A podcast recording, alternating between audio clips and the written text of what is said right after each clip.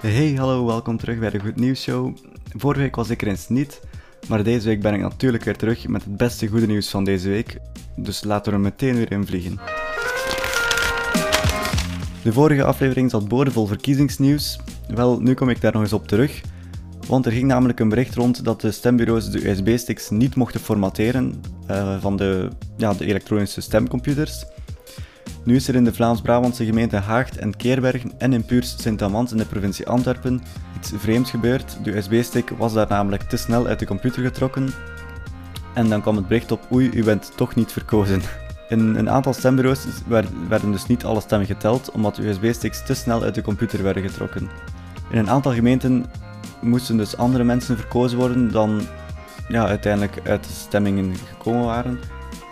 Maar er zijn blijkbaar geen gevolgen voor de zetelverdelingen tussen de partijen in de gemeenteraden en er zijn ook geen gevolgen op provinciaal niveau, gelukkig. En dan betoverend nieuws voor alle streamingfans. Netflix maakte bekend dat alle Harry Potter films binnenkort beschikbaar zullen zijn de streamingdienst konde dit zelf aan via Twitter. Ze deden dat op een magische en mysterieuze wijze op hun Twitter-profiel. Ze deelden namelijk een, een, ja, een korte video met het wereldberoemde deuntje in het begin van de films, met daarbij enkel de woorden Het is magisch. Vanaf 1 november zullen dus alle acht films beschikbaar zijn om te streamen. Perfect dus om te binge-watchen tijdens de herfstvakantie. Er is enkel wel één struikelblok blijkbaar. De films zullen eerst nog enkel in het Franstalig gebied beschikbaar zijn dus nog niet over heel het land. Het is misschien nog even wachten op de Nederlandstalige release, dus ik hoop dat die zo snel mogelijk ook uitkomt. Vervolgens is er een beetje droevig nieuws rond de Queen, de Britse Queen, Elizabeth II. Ze rouwt namelijk om de dood van haar allerlaatste corgi. De, Queen was daar al redelijk bekend om. Het uh, verlies van een hondje valt er altijd heel zwaar, klinkt het uit het Britse koningshuis. Willow, de laatste corgi die de koningin zelf had gefokt en opgevoed, overleed eerder dit jaar al. Maar Whisper, een corgi die ze overnam van jachtopziener Bill Fenwick nadat hij stierf, was tot voor kort nog aan haar zijde, maar nu dus niet meer. Whisper stierf blijkbaar op 12-jarige leeftijd, maar liep al jaren rond in het koninklijk paleis. Volgens een medewerker van het koningshuis volgde hij de queen van kamer tot kamer en hij was een heel vriendelijk dier.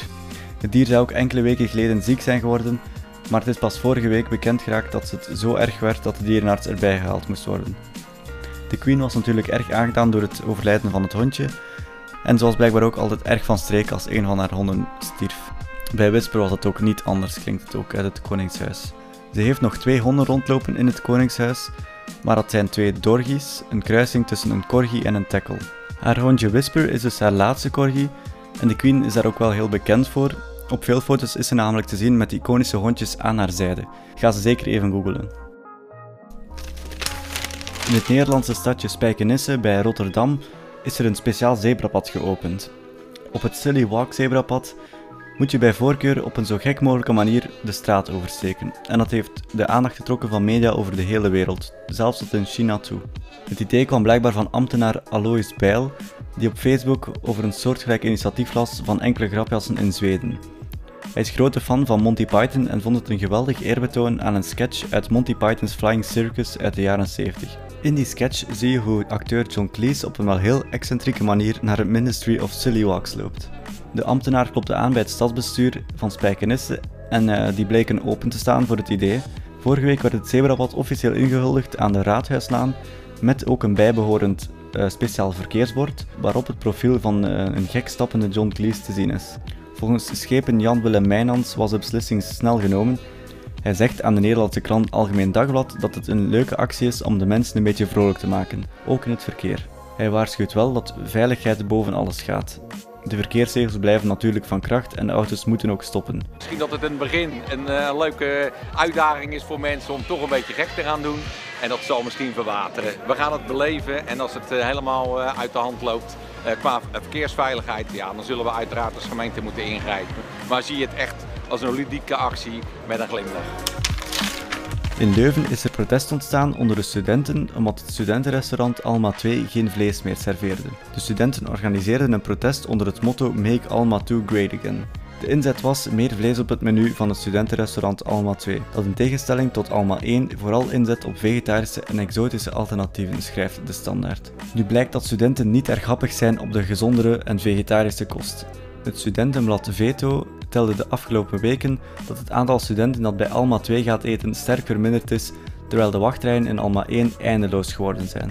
De directie van de studentenresto's had oren naar argumenten van de studenten en heeft dan ook besloten om in Alma 2 terug elke dag vlees op het menu te zetten. Dan is er ook nog protest ontstaan tegen vingerafdrukken op de identiteitskaart. De gegevensbeschermingsautoriteit, de vroegere privacycommissie, is er niet over te spreken dat onze vingerafdrukken vanaf volgend jaar op de nieuwe identiteitskaart zouden komen, schrijft VRT Nieuws. Ook op Twitter is er een protest gekomen onder de hashtag #IkWeiger. Met een tweet liet minister van Binnenlandse Zaken Jan Bon weten dat we binnenkort onze vingerafdrukken moeten geven als we een nieuwe identiteitskaart aanvragen. Deze maatregel wordt al een tijd aangekondigd en kadert in de strijd tegen terrorisme. Zo zou identiteitsfraude moeilijker worden omdat de politie hiermee kan nagaan of de gegevens op de kaart wel degelijk van de betrokken persoon zijn. De vingerafdrukken zouden niet worden opgeslagen of gecentraliseerd. De tweet van Jan Bon luidt: Zo net werd in de Commissie Binnenlandse Zaken het wetsontwerp goedgekeurd dat toelaat om de vingerafdruk op elektronische identiteitskaarten op te slaan. Hashtag veiligheidscultuur. De Gegevensbeschermingsautoriteit, de vroegere privacycommissie dus, gaf hierover nogthans een negatief advies omdat deze registratie niet voldoet aan het proportionaliteitsbeginsel. Willem de Beukelaar, voorzitter van de Gegevensbeschermingsautoriteit, zegt dat deze beslissing ingaat tegen de GDPR-wetgeving, waardoor het gewoon onwettig is.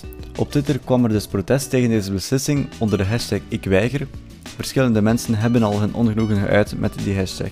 Het wetsontwerp rond de vingerafdrukken moet nu nog worden goedgekeurd in de Kamer, maar na goedkeuring in de commissie is dat eigenlijk slechts nog een formaliteit.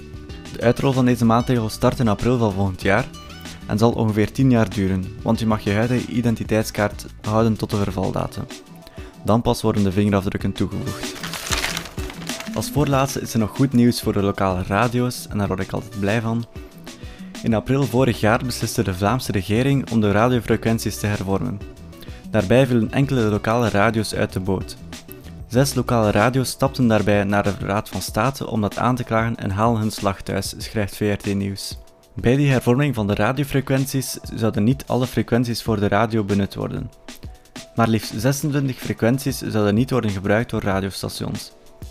Die beslissing werd echter nooit gemotiveerd, zegt advocaat Butenaerts die de lokale radio's verdedigde voor de Raad van State. Niemand weet ook waarom die frequenties onbenut zouden blijven. Volgens de Raad had de regering de mogelijkheid moeten geven aan de radiozenders om te reageren op de beslissing om die 26 frequenties niet te gebruiken. Daarom wordt het plan van de regering nu geschrapt. Minister van Media Sven Gats maakt nu bekend dat voorlopig zenders met een vergunning wel gebruik kunnen blijven maken van hun zendmogelijkheid. Hoera voor de radio dus. En al als laatste groot nieuws voor alle fans van FC de Kampioenen. Begin deze maand was er nog een marathon met alle films van Harry Potter en binnenkort komt er ook een met afleveringen van FC de Kampioenen, schrijft VRT Nieuws. Alles begon met één tweet begin deze week van een account dat vernoemd is naar het personage Fernand Kostermans. De nieuwsgierige twitteraar vroeg zich af hoeveel retweets hij nodig had om een heuse FC de Kampioenen marathon te organiseren in de bioscoop. Zender 1 merkte de opmerkelijke tweet op en ging de uitdaging aan. Hun antwoord was dat ze in ruil voor 5000 retweets een marathon kunnen organiseren. Die oproep begon natuurlijk online een heel eigen leven te leiden en er waren maar enkele dagen nodig om de 5000 retweets te halen. 1 liet daarop weten op Twitter dat belofte schuld maakt en dat na de 5000 retweets de FC de kampioen marathon er dus aankomt. De netmanager van 1, Olivier Goris, zegt dat ze zoveel mogelijk afleveringen uit de reeks zullen uitzenden in een bioscoopzaal. Ze weten nog niet of ze de 24 uur letterlijk gaan halen, maar enkele uren op rij zullen ze non-stop FC de kampioenen uitzenden. Daarom moet er dus nog een keuze worden gemaakt uit de vele seizoenen die er zijn gemaakt. Waar en wanneer het evenement wordt georganiseerd is nog niet bekend, maar het is nu wel zeker dat FC de kampioenenfans hun hart kunnen ophalen.